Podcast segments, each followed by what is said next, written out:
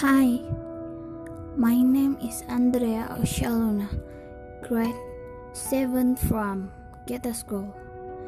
During this pandemic, my family and I stay at home because at home I was closer to my young siblings and more often than not helping my mother make snacks watering plants, and cleaning the house. I am very grateful for everything because we are still given help for friends.